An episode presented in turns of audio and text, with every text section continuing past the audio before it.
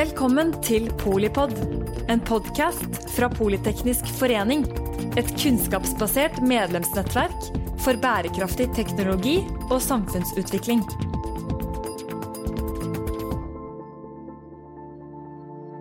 Velkomne til eh, Polipod om eh, sirkulærbyen. Hva er nå det?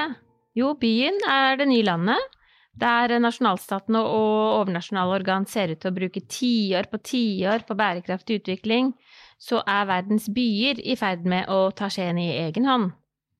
Og som motor for miljømessig og sosialøkonomisk forbedring i praksis ser vi til byene. Og derfor så setter vi brillene på noen av dem som vet mest om temaet sirkulærbyen. Velkommen i studio til eh, Pål Frisvold, som eh, driver nettstedet europeiskpolitikk.no og er eh, EU-rådgiver for både bedrifter og organisasjoner. Velkommen til Tonje Frydenlund, direktør i Snøhetta og styreleder i Grønn byggallianse. Og velkommen til Frode Vattum, som er strategisjef i Ruter. Litt sånn først overordnet, hva skjer egentlig i Europas byer, Pål? Mm. Ja, nei, det skjer vel det at EU-samarbeidet har jo gått i gang med en sånn kjempeambisiøs uh, omlegging av hele økonomien vår. Uh, fordi at man skal nå et netto nullutslipp i 2050, som ikke er så veldig lenge til. Og når man ser på klimagassutslipp, så er jo 70% av klimagassutslippene kommer fra byene, som bare representerer 3% av arealet i Europa. Så det er en veldig stor konsentrasjon av klimagassutslipp.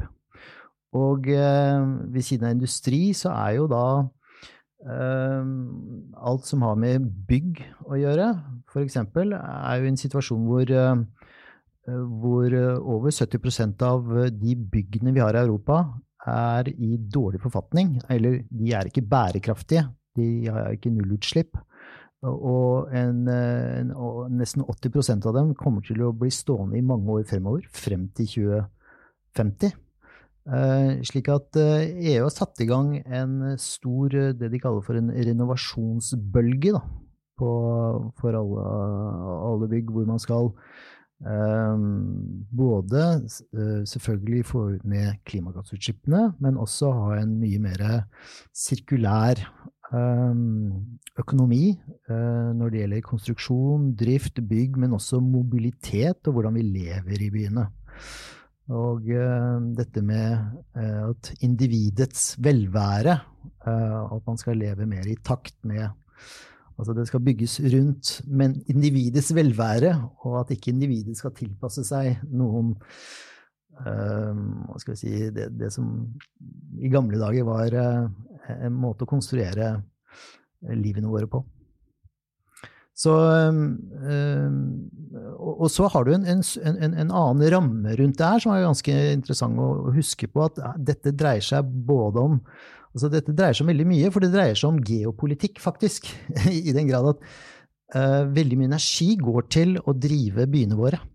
Og den energien er både fossil, og den er importert av, øh, fra regioner som vi ikke ønsker å være avhengig av. Altså enten det er regimer eller, eh, eller, land som vi ikke vil være avhengig av. Så det å, å, være selvforsynt med energi, da må vi også legge om hele måten vi lever på. Og der kommer eh, både bygg- og sirkulærøkonomiprinsipper inn. Og så er det dette med at eh, hvis vi Når vi gjør dette, så vil det skape arbeidsplasser. Det vil skape økonomisk vekst, og i et Europa som er ganske gjeldstunget, så er det ikke, ikke ubetydelig. Um, og så har du hele dette klima- og miljøaspektet, og dette med at, uh, at uh, man har også et ønske om at Europa skal bygge på den, uh, denne, det som kanskje Europa er kjent for, dette med estetikk. Det skal også være vakkert for øyet, og det skal være levelig for, for mennesket. Så, så, sånn sett så er det ganske stor satsing og mye som skjer akkurat nå i Europa for å mobilisere og akselerere denne overgangen da, til, eh, til, en eh, mye mer bærekraftig livsstil. Er det regulatorisk, eller altså, det er jo lett å være enig om at alt skal være pent? Ja, det, er, det, er, det, er, det er jo som, som EU eh, er EU har jo veldig mange områder å spille på. du nevnte det regulatoriske, og der er det helt klare krav til um, energieffektivitet, f.eks. Det er krav til uh, Altså alle nye bygg skal nå ha ladestasjoner innebygget. Det er krav til uh, ja, folk med, med, nedsatt bevegelighet. Så det er en rekke sånne regulatoriske krav. Men det er jo også store økonomiske insentiver, da. Så EU-systemet består av veldig mange programsamarbeid. altså Horisont 2020 og Horisont Europa er det vi kanskje kjenner til mest i Norge, eh, som går på forskning og innovasjon. Men du har veldig mange programmer som går på ren støtte til Eh, til uh, forskjellige mm, sektorer innenfor det urbane livet, da, hvor man kan uh, få også økonomisk støtte for å foreta denne omleggingen. Hvordan er det? Hvor skjer det i alle byer, eller hvor er det Ja, altså dette er jo um, det, det, det, er, helt klart innen 2030, f.eks. Så kommisjonen har satt påle i terrenget. De sier at innen 2030 så skal vi ha minst 100 byer som skal mm. være helt nullutslipp. Uh, og det skal være sånne, sånne fyrtårn i Europa. Uh, nettopp for å være til det du nevnte i, innledningen, en inspirasjon til nytenkning og innovasjon. nye forretningsmuligheter, som vi kommer til å snakke om senere i dag, med delingsøkonomi og sirkulærøkonomi. Og for ikke å si hele det digitale aspektet. Hvordan vi kan få til ja, altså at vi skal få til en mer digital økonomi. Hvis vi tar f.eks. helsesektoren, hvor vi er vant til å gå til et sykehus og møte opp og få en behandling osv. Men nå med de digitale løsningene som vi har sett i disse covid-19-tidene, så, så, ser vi at eh, hele den digitale evolusjonen har blitt veldig akselerert. Ehm, så, så, det skjer mye på um, mye, mye, omstilling uh, i, i, Europa, um, hvor man forsøker å finne nye og mer effektive løsninger som er tilpasset individet. Tonje, dere er jo også i um, Snøta er jo overalt. er, det, er, dere involvert i noen av de hundre byene da, som skal være nullutslipp om bare ni år? Ja, altså vi er eh, involvert med enkeltstående prosjekter. Eh, men det som jo er utrolig viktig i den sirkulære byen, det er jo å tenke helhet og, og liksom overordnede planer også. Og derfor er det virkelig inspirerende at EU går så kraftig ut og lanserer eh, veldig bevisste planer. Um, det er jo også en viktig betraktning dette at det er faktisk fem år siden Parisavtalen eh, ble ratifisert og mm. skrevet under. Uh, og verden har virkelig beveget seg videre på de fem årene. Altså For fem år tilbake så var det jo ingen som, som hadde liksom disse ordene om sirkularitet, om eh, gjenvinning, om å tenke rehabilitering av bygg framfor nybygg i sitt vokabular. Eh, så det er jo utrolig gledelig at man man virkelig begynner å forstå det alvoret for hva som skal til.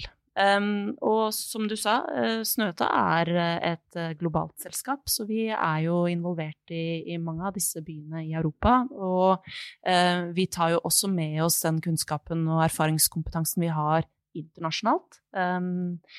Parisavtalen er jo en global avtale, så, så, det er jo ikke noe mindre eh, viktig i USA eller i Asia eller i Australia å, å gjøre disse tingene. Eh, og hvor man kanskje også kjenner eh, klimaendringene virkelig på alvor. Um, og i eh, det europeiske markedet så um, har jo vi kjørende prosjekter både i Belgia, i Tyskland, i Nederland uh, og i Frankrike som i aller høyeste grad uh, følger uh, de nye um, de nye direksjonene fra EU. Uh, og det er spennende for et norsk arkitektselskap å ta med oss vår kompetanse f.eks. til Frankrike, hvor vi ser at de er utrolig bevisst på dette med materialkjennskapen, og ønsker nå i større grad å bygge tre f.eks., eh, som definitivt et av bidragene for å redusere eh, karbonfotavtrykket til, til bygg. Eh, og så er jo um, fokuset på gjenbruk og rehabilitering og det å bruke byggene som allerede er bygget, og heller transformere de, definitivt en, en økende trend både i det europeiske markedet og i, i Norge. Um, så her får vi som, som arkitekter um, og designere virkelig bruk for den kompetansen vi har rundt hva er viktig å ta vare på, og hvor kreativ kan du være med å, å finne ny anvendelse eller ny bruk av eksisterende materialer, slik at man, man ikke må, må tilføre eh, mer belastning i, i klimagassregnskapet da, enn det man, det man trenger. Jeg har, jeg har, lært noe om etter at jeg har begynt å jobbe med avfallsbransjen, eller gjenvinningsbransjen, at det er noe som heter jomfruelig materiale. Og jomfruelig sier jo, tilsier at det er noe som er nytt. Um, og vi har vel hatt en tradisjon at vi har brukt nye, mye nye råmaterialer. Og det er de, en av de interessante tingene som EU ser på, og som EU kan gjøre noe med. fordi at de kan faktisk sette et krav til at et bygg eller f.eks. et materiale, som gips f.eks., skal inneholde eh, 20-30-40% gjenvunnet gips. Og hvis det kommer som et krav fra Brussel, så gjør det, det setter i gang en del verdikjeder. Mm. For her er det jo snakk om at det er og det er det vi sliter med på så mange områder, at du har verdikjeder med mange forskjellige aktører som jobber separat. Og som har sin, sine kaker å mele, og som selger og gjør det bra. Og så må vi finne muligheter til at de kan knyttes sammen, at de kan kommunisere, at de kan eh, tilfredsstille hverandres behov til kvalitet, til tid, til eh, de andre spesifikke områdene som dere har når dere tegner og skal konstruere et bygg. Og eh, der har jo EU en, virkelig, en, en, en viktig regulativ rolle å spille. Og det er, det er, noe av det som er i, på, på dreibordet akkurat nå. Det er hvilke krav skal vi sette? Og, og, der er det jo interessant å ha dialog med Snøhytta og andre ledende arkitektkontorer, fordi at um, det er selvfølgelig sterke økonomiske interesser her som ønsker å opprettholde gammel praksis. Men de ledende arkitektene er de som åpner døren eller vinduet og sier vet du hva, det går an å gjøre det annerledes.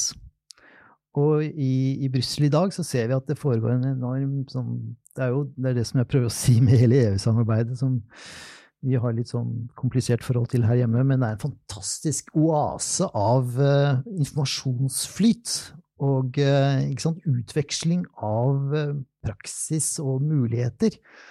og den dimensjonen er veldig er bra å, å, å, få frem, for det er jo det som gjør at politikerne og de som vedtar lovene, tør å være mer ambisiøse. Så, så, det er mye spennende som skjer på den fronten fremover. Har du noen favorittsteder, eh, prosjekter spesielt liksom altså vi, ja, altså vi lar jo oss begeistre av eh, noen av de, de, førende byene i Europa eh, når det gjelder det å, det å, få til ting og det å være litt vågale eh, på nye løsninger. Og der vil jeg si at eh, både Nederland og, og Frankrike og Eh, Danmark ligger langt fremme. Eh, og er veldig inspirerende eh, for oss, egentlig, på, på en helhetstankegang også.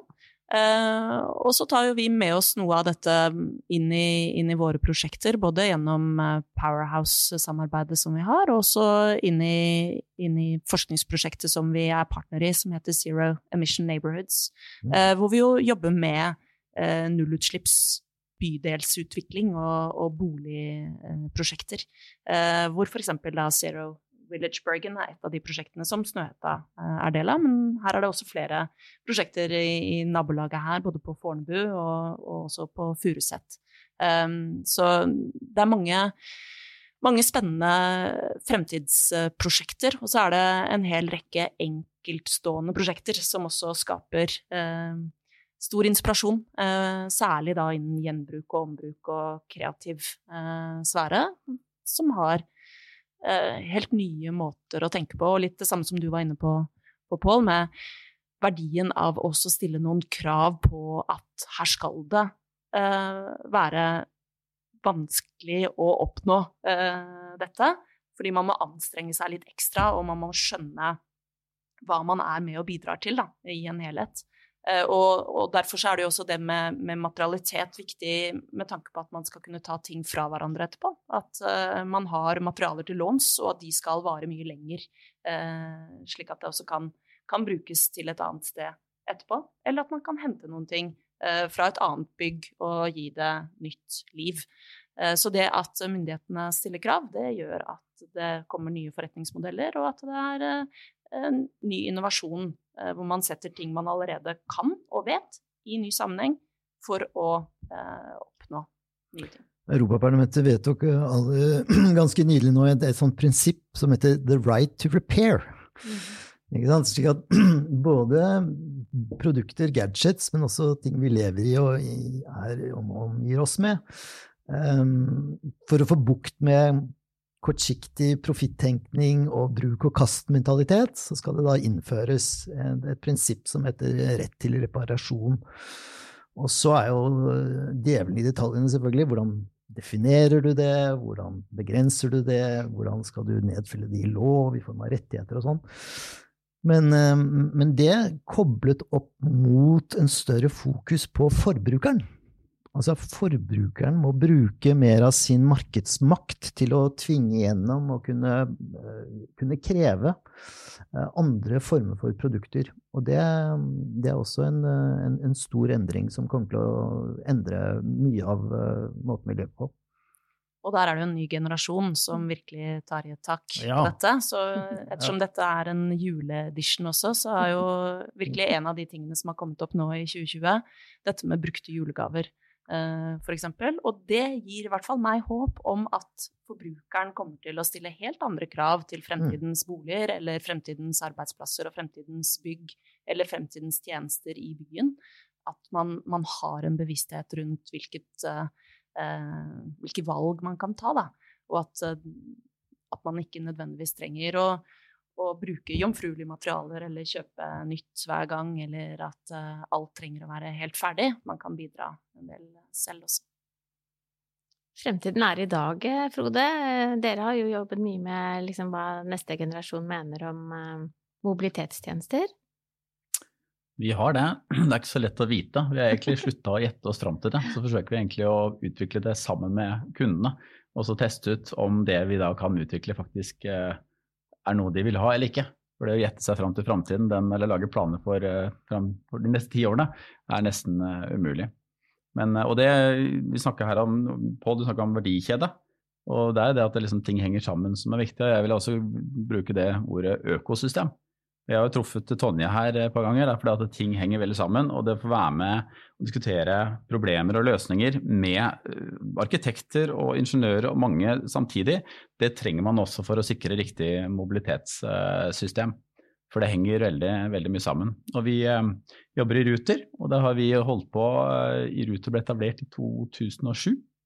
Og siden det så har vi gått ganske lang og fin reise, vil jeg sagt. Hvor vi har vært såpass heldige at politikerne i den gangen da Akershus og Oslo har vært veldig eh, hva skal jeg si, ambisiøse på vegne av Ruter og mobilitet og investert mye penger.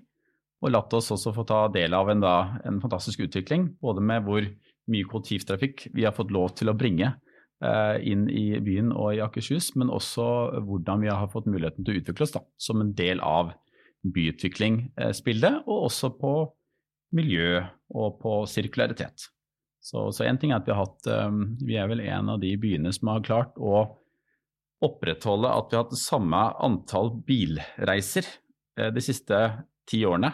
Som det var, altså, det var like mange bilreiser i dag som det var for ti år siden. Samtidig som Oslo har vært den byen sammen med Madrid og Stockholm som nesten har vært høyst relativ vekst. Og det er fordi vi har klart å, å fått mange over til kollektivtrafikk. Så det har vært den største, største hva skal jeg si, det vi kanskje er mest eh, stolt av. Og så har vi også fått være med, som dere har vært, med sånn, uh, tenke på miljø og klima. Hvor vi begynte for fem år siden å jobbe med fossilfri 2020. Så det vil si at eh, i slutten av år så skal det ikke være noen busser og båter som går på, på bensin eh, og diesel. Det er på bio og el. Eh, og så har vi nå satt mål om i 2028 å være helelektrisk. Og Der ser du allerede nå tror jeg, over 200 busser i bybildet som er helelektriske. Og så ref verdikjede. Når vi begynte med helelektriske busser, så skjønte vi at eh, vi måtte skjønne litt hva som skjer i hele verdikjeden. Og da fikk vi en del sånn problemer på bordet i forhold til hvordan blir batterier produsert. Mm. Som var både veldig energiintensive i Asia og andre steder, som, hvor energien kom fra kullkraftverk. Så da måtte vi begynne å jobbe i verdikjeden for å få liksom, eh, rydda opp i det og med materiellutfordringer og barnearbeid i Kongo, masse, masse utfordringer. Mm. Så det har vært en lang, eh, lang reise eh, både på å skape hva skal jeg si, et sterkt kollektivtrafikksystem og et miljø og mer og mer da, sirkulært system. Men det er langt, lang vei å gå også, så vi, vi har mye å gjøre, selv om vi har oppnådd en del ting til nå. Ellers ville det vært kjedelig, da. Men du nevnte Fornebu og Furuset. Er, er, det noe liksom mer enn infrastruktur? Er det transport, mobilitet involvert også, eller er det andre steder i byen? Nei, du, det er, altså, det er på en måte Det er jo transport overalt eh, i byen som både på det tradisjonelle, hvor Fornebu er selvfølgelig nå det viktigste. at Det var et par dager siden hvor det ble knipp, klippet noen flotte snorer. Og endelig, etter jeg vet ikke hvor mange år man jobbet 15, tror jeg. 15, ja. Mm. så, så, ser det ut som det blir en uh, Fornebubane som er 2027 som den kommer. Så det, det blir utrolig viktig. Uh, og tilbake den koordineringen da, i forhold til hvor mange mennesker skal bo der, hvor høyt skal man bygge, og hvor mye massetransport da, skal vi muliggjøre, det, det er viktig. Og så er det også et sted hvor vi piloterer eh, vest mye nye mobilitetsformer. Eh, alt fra sparkesykler i samarbeid med TIR. Vi har hatt noen førerløse busser som har i lav fart slust seg fram og tilbake der, til manges glede. Og, og tenker da, forskjellige løsninger der. For det må jo det blir stadig større grad en sammensetning av forskjellige mobilitetsformer som til sammen er såpass bra at flere velger å sette for seg bilen, og da bruke bildeling, noen taxiløsninger, kollektivtrafikk, sykle litt mer, eh, gå litt mer i sin sum, da. Så det er det som er noe av det viktigste vi gjør nå, det er å være med på den systematiske endringen eh, i å redusere bilbehovet med mange forskjellige virkemidler. Og der har vel kanskje også dette året gitt dere ny innsikt i, i liksom unntakstilstanden? Ja, det, det, er jo et ganske merkelig år. Eh, Bernt, eh, daglig leder i, i Ruter, eh, som har snakket mye om det fra og forsøkt i alle hans år å få mest mulig til å komme til kollektivtrafikk, så står han nå og sier at vennligst ikke ta kollektivtrafikken. Så det er jo helt merkelig. Men det er det, den rollen vi har som verktøy og samfunnsaktør. Men som du sier, da, så har jo vi vært litt i, i media nå og litt på debatten i forhold til å ikke bare se ulempene i covid-19, men se hvordan vi da kan endre oss, hvordan vi kan eh, redusere rushtidstrafikken. Så, og det er også når vi jobber med strategi, og vi var i ferd med å vedta ny strategi i juni. Og så sa vi at nå må vi liksom bare roe ned den når covid-19 kom. Og da sa Bernt, dagleder, at dere er samfunnskritiske. Strategi Ruter er en samfunnskritisk rolle. Så fortsett jobbinga, selv om alle var opptatt av å si, minimere risikoen. Så vi gjorde det for å sikre at vi kom ut av krisen, så hadde vi et riktig målbilde, en riktig strategi eh, som en verktøy som også tålte dagens lys da, eh, i og under og etter eh, covid-19. Og det er å være bevisst på at eh, man, eh, man, skal ha bevegelsesfrihet, men det er, ikke, det er, ikke, et mål i seg selv å ha mest mulig transport. Eh, og det er noe positivt at vi reiser mindre og at vi reduserer rushtid, rushtiden, som ikke, det er dyrt, og vi liker ikke. Samtidig så er vi også veldig klare over at eh, jeg og alle andre sitter litt frustrert på hjemmekontor, og det er sosialt eh, ganske belastende. Så, så, det er masse eh, ting man må unngå også, i forhold til å ikke sitte med den, den hjemmekontorsituasjonen hele tida. Men den nye normalen, som vi kaller det, og som mange jobber med, den er det viktig å jobbe aktivt med for å komme ut enda bedre ut av covid-19 enn det vi hadde inngang til covid-19. Og det er jo masse læring fra dette unormale året i forhold til byutvikling og mm. byplanlegging også, og tenker at um, det er viktig å ha det helhetsblikket for hvilken miks av tjenester man trenger å ha i mm. et nærområde, når kanskje da radiusen blir, blir begrenset. Da. Mm. Så hos oss har vi jo lekt oss litt med, med det å liksom, ta middelalderbyen tilbake, eh, rett og slett. Og, og kunne forstå at man, man skal ikke segregere uh, de ulike funksjonene i en by. Man trenger å, å, blande de. Man trenger å ha produksjon, man trenger å ha tilgang til reparasjon og håndverk. Uh, man trenger å ha tjenestekjøpet sitt og tjenestetilgangen, og man trenger å ha boliger og arbeidsplasser. Mm. Og alt det må liksom være i en god og sunn blanding. Og så er det jo det som du var inne på, med, med at man må forstå eh, den reisendes behov og mobiliteten også, og ha en miks av ulike transportformer som er enkelt og sømløst å, å gå fra det ene til det andre. Mm. Uh, og da har man fått testa seg mye mer på sykling og gåing og eh, de aspektene, som sikkert er veldig bra for folkehelsa. Altså.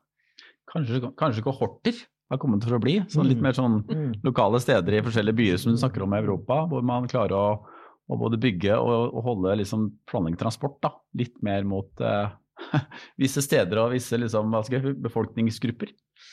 Ja, og vi ser jo, er det et utviklingstrekk vi kan si vi ser i Europa, så er jo denne aversjonen mot den eh, planleggingen som kanskje dominerte bildet for 20-30 år siden, hvor vi bygget eh, store kjøpesentre i utkanten av byen. Mm. Nå vil jo folk ha livskvalitet, og de vil ha rene produkter, og det er imponerende å se alle disse lokale markedene som, eh, som vi trodde var en, en eh, passé, og så har det virkelig fått sin renessanse. Uh, enten mobile eller stabile markeder som, hvor folk kan enten kjøpe eller dyrke sine egne produkter. Så, så jeg tror det er ja, det, det, er store endringer, endringer på gang. Altså. Mm. Jeg likte det derre med at vi har til låns, da, materialer til låns. Eh, så har vi tid til låns, da. Og så har vi en rett til eh, nærmest å få eh, hva skal vi si, god rente på det, på det lånet. Altså, det er jo noe I hvilken grad reflekteres det liksom i norsk kommuneplanlegging? Går det an å spørre om det? Altså, nå er vi i en storby, men men uh, i resten av landet, det er også litt artig å høre. Jeg tror at det ennå er en vei å gå der, fordi man, man uh, Man har kanskje ikke vært så uh, klar på å stille strenge nok krav. Mm. Det kom jo en, en rapport her tidligere i uka på liksom, fraflyttinga fra, fra Distrikts-Norge. Og det er klart det er et stort dilemma da, når man hele tiden opplever at, eh, at folk ikke vil bosette seg eller komme tilbake. Så, så blir man også eh, mer eh, altså svakere på det å, å, stille veldig sterke krav. Man blir bare så utrolig glad for at noen i det hele tatt har lyst til å komme og utvikle noe mm. eh, i bygda. Og det er jo eh, en litt farlig holdning i forhold til mm. å nå eh, de veldig ambisiøse miljøkravene vi har forpliktet oss til. Mm. Eh, så Men også der er det definitivt eh, endringer, og, og, som du var inne på også, eh, Pål, det er jo enda tettere på nemlig produksjonen og stedet, og, og hvor, hvor, man kan få tilgang til enkle materialer, og mer mm. kortreisthet mm. sånn sett òg. Så det er jo absolutt eh, god anledning til å, til å høyne ambisjonen og, og, stille strenge mm. krav. Men så skal vi også Vi har jo kanskje vært eh, litt optimistiske i begynnelsen her og snakket om alle de inspirerende og spennende utviklingstrekkene som vi ser foran oss, men vi ser også en del litt farlige utviklingstrekk. utviklingstrekk. Eh, hvis vi ser på det som eh, denne sirkulærøkonomistrategien til kommisjonen, da. De løfter frem f.eks. problemet plast, som vi har i Norge og hele verden. Uh, uh, mat, altså vi kaster altfor mye mat. Uh, vi har et forbruk av tekstiler som er helt hinsides, og et forbruksmønster som det er vanskelig å bryte. Ikke sant? Um, så det vi ser, da vi, kan, altså, vi ser jo det at hittil så har i etterkrigen så var det forsvar, at militæret var, eh, skulle redde oss. Og så har det dreid seg til energipolitikk. Det er det som skal redde oss.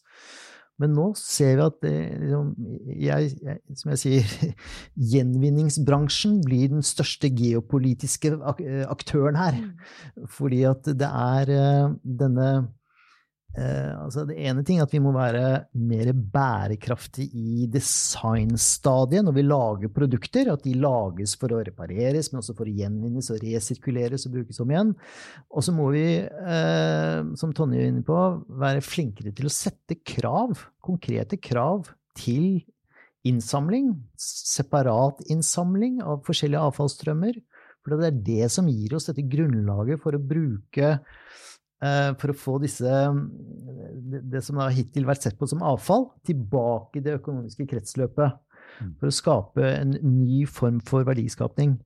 Eh, og der er det Hva skal jeg si eh, Dette er jo så det, det, det hørtes jo veldig enkelt ut, men det er utrolig vanskelig. Og hvert land bakser med dette her. Og vi ser at uh, når, når, kommisjonen og EU-landene da får stabla bena sine og blir enige om liksom, nye krav Nå skal vi ha nye krav til batterier. Mm. ikke sant? Nå skal uh, Innen 2030 så skal vel uh, 65% av alle batterier være resirkulert.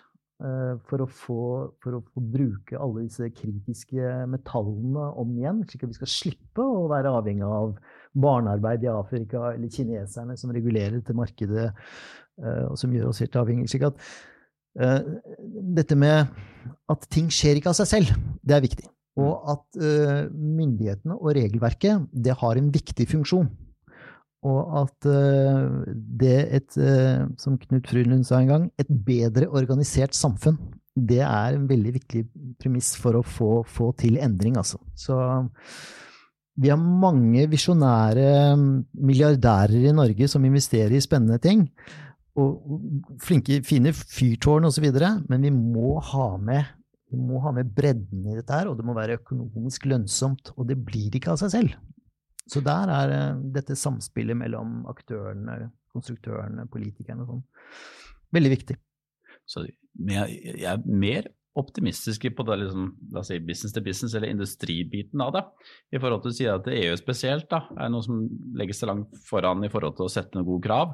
Og også opplevd opplev det på, på bussida. Det er ikke lett, men det går an i samarbeid med London og andre å stille krav i våre ned over kjønn. slik at eh, de må dokumentere hva slags materiell som er på, på, på bussen eller på, på, trikken.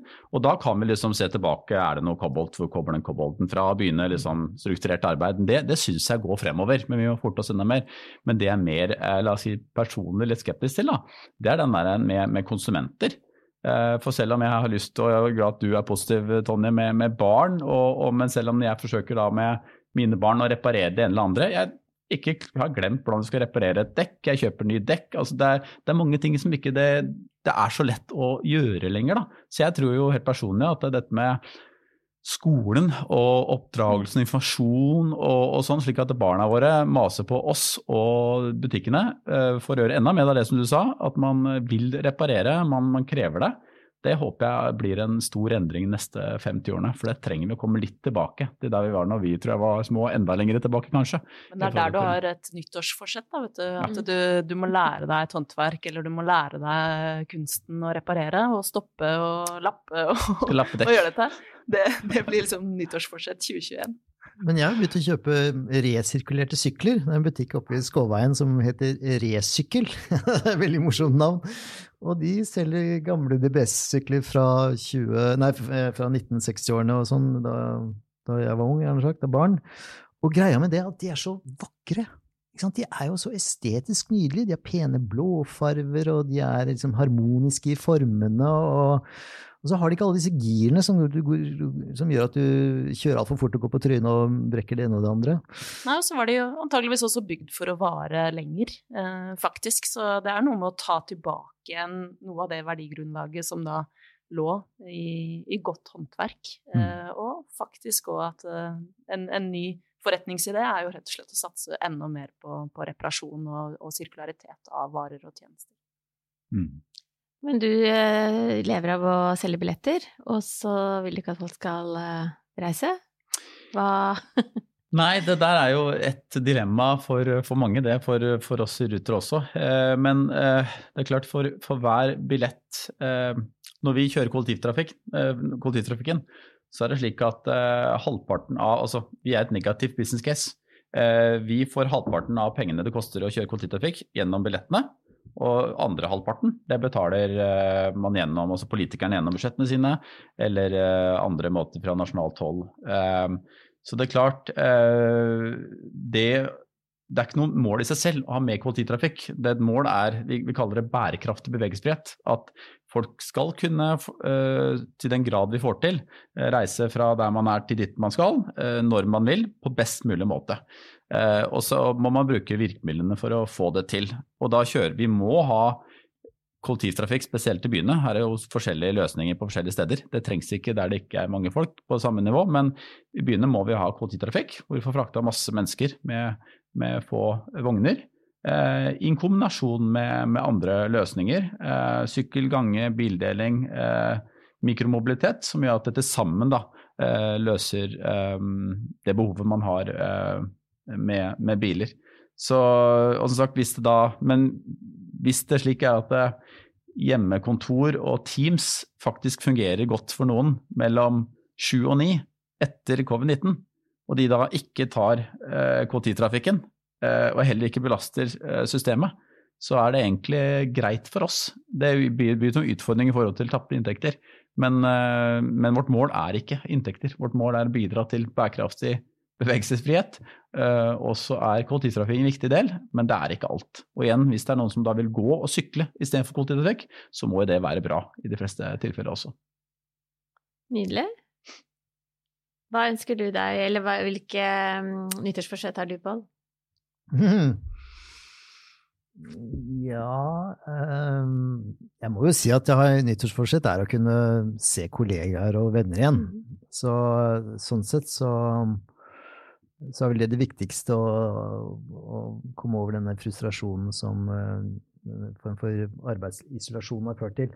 Men uh, uh, altså i, i, forhold til det Frode sier, så, så syns jeg det høres veldig bra ut. Fordi at eh, er det noe da dette covid-19 har gitt oss, så er det jo også større fleksibilitet. At vi kan være mer herre i egen eh, når vi vil jobbe, hvordan vi vil jobbe osv. Og, så og at vi ikke da er så avhengig av å være på jobben akkurat klokka åtte. Og, og det tror jeg er veldig bra for ja, altså det, det setter ut større ansvar på ledelse og på individet til å være effektive osv. Men eh, det kan også gjøre at vi eh, klarer det der eh, racet med, med, familie og barn og kjøring og henting, og at det blir et lettere liv å, å leve. Så det gleder jeg meg til. Skulle du lære deg noe Du er sånn tusenkunstner du, Tonje. Hva, er det noe du kan lære deg så, ja, for å bli mer sirkulær? Det er alltid noe nytt uh, som man kan uh, lære seg. Um, en av de tingene som jeg har lyst til å lære meg mer om i 2021, er, uh, er å sy. Gjenbruks... Altså apropos tekstiler, skal jeg bli god på å sy. men um, det er utrolig mange spennende ting man kan, kan utvikle seg på og, og prøve å lære og finne ut av. Jeg må jo da rett og slett arrangere verksteder gjennom hele neste år, det skjønner jeg jo. Det er jo ingen eh, som kan så mye om eh, materialteknologi og energi og gjenvinning og bærekraft eh, på kort og lang sikt som, som Politeknisk forening, så da takk for tipset. Det blir en verkstedserie nær deg før du aner det, i 2021. Tusen takk, eh, Tonje Frydenlund, eh, direktør i Snøhetta, styreleder i Grønn byggallianse. Tusen takk, eh, Pål Frisvold, som driver nettstedet europeiskpolitikk.no og er EU-rådgiver annet på sirkulær økonomi for type Sintef og Avfall Norge. Og tusen takk, Frode Vattum, som er strategisjef i Ruter, og som da også holder i bærekraft og sirkularitet der. Tusen takk til deg som lytter. Jeg gleder meg til å se deg på verksted, og håper du tar utfordringen om å lære deg et eller annet nyttig som du kan eh, kose deg med og bidra til eh, å reparere og, forlenge levetiden på neste år. Takk for at du lyttet til Polipod fra Politeknisk forening. Få med deg flere episoder Eller bli med på nettverksmøtene som du finner på at polyteknisk.